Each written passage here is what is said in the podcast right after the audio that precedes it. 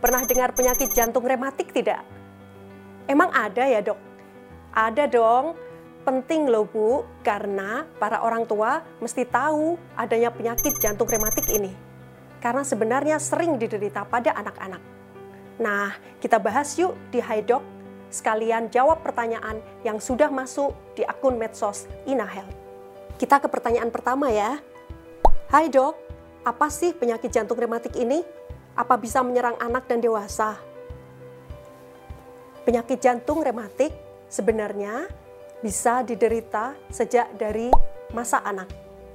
Diawali dengan infeksi saluran pernafasan akut bagian atas atau biasa dikenal dengan faringitis atau radang tenggorokan yang disebabkan oleh kuman atau bakteri Streptococcus beta hemolyticus grup A. Nah, infeksi saluran napas ini gejalanya adalah demam, nyeri telan, tetapi tidak disertai batuk dan pilek.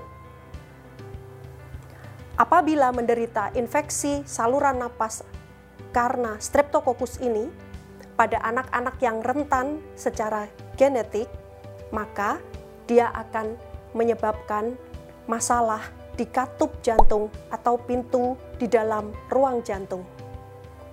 Katup jantung tersebut akan mengalami penebalan, sehingga makin lama akan mengalami gangguan aliran darah di dalam jantung. Apabila terkena infeksi saluran napas bagian atas karena streptokokus tadi yang berulang, maka akan terjadi penebalan katup yang semakin memberat Hal ini akan menyebabkan gangguan di masa dewasa nanti. Akhirnya, orang-orang yang mengalami penyakit jantung rematik tadi akan terjadi penyempitan pada katup atau pintu jantungnya, sehingga harus dilakukan perbaikan atau operasi jantung di masa dewasa. Nah, kita ke pertanyaan kedua ya. Hai dok, apa benar nyeri telan pada anak ini merupakan gejala penyakit jantung rematik. Saya kira cuma gangguan di kerongkongan saja. Benar bahwa nyeri telan atau nyeri tenggorok biasanya merupakan gejala awal untuk mengalami sakit penyakit jantung rematik. Jadi penyakit jantung rematik didahului dari infeksi saluran napas atau infeksi tenggorok yang disebabkan oleh kuman, streptococcus, yang akhirnya 2 sampai 4 minggu kemudian dia akan mengalami gangguan di katup jantung atau di pintu jantung. Nah, apabila katupnya tadi mengalami gangguan, kemudian menebal, maka akan terganggu aliran darah di dalam jantung. Akibatnya, lama-kelamaan karena katupnya menebal, maka jantung akan mengalami kegagalan fungsinya untuk memberikan darah ke seluruh tubuh sehingga jantung akan mengalami beban yang lebih berat untuk mencukupi darah ke seluruh jantung. Gejala-gejalanya banyak.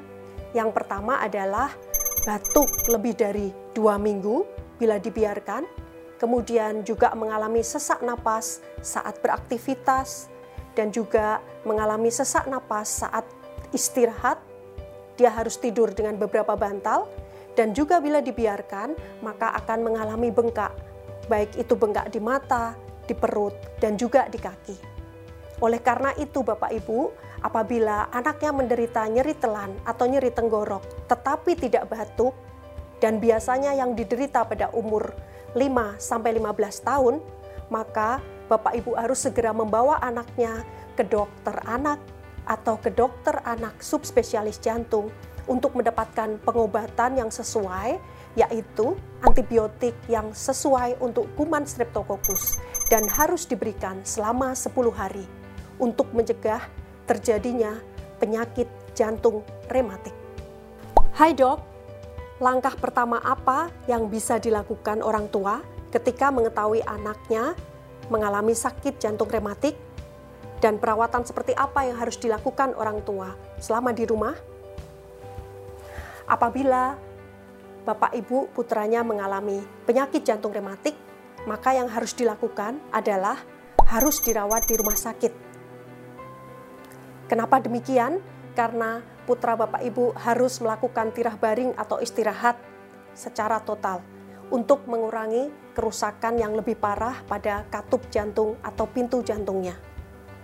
Selain itu, Bapak Ibu akan diberikan obat untuk mengurangi gejala dari kegagalan jantung dalam mencukupi darah ke seluruh tubuh. Nah, apa yang harus dilakukan bila Bapak Ibu sudah boleh diperbolehkan pulang? Maka obat-obat tersebut harus tetap dilanjutkan dan biasanya Bapak Ibu juga akan diberikan antibiotik secara rutin untuk diberikan kepada putranya agar diminumkan secara rutin untuk mencegah penyakit jantung rematiknya semakin memberat.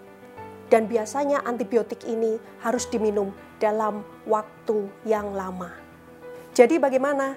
Sekarang sudah paham kan? Yang jelas, kesehatan anak adalah yang nomor satu. Dan sebagai orang tua, kita juga harus paham tentang kondisi anak. Termasuk mengerti juga akan gejala dan tanda dari penyakit jantung rematik. Kita ketemu lagi ya di episode berikutnya. Saya, Dr. Ita, pamit. See ya!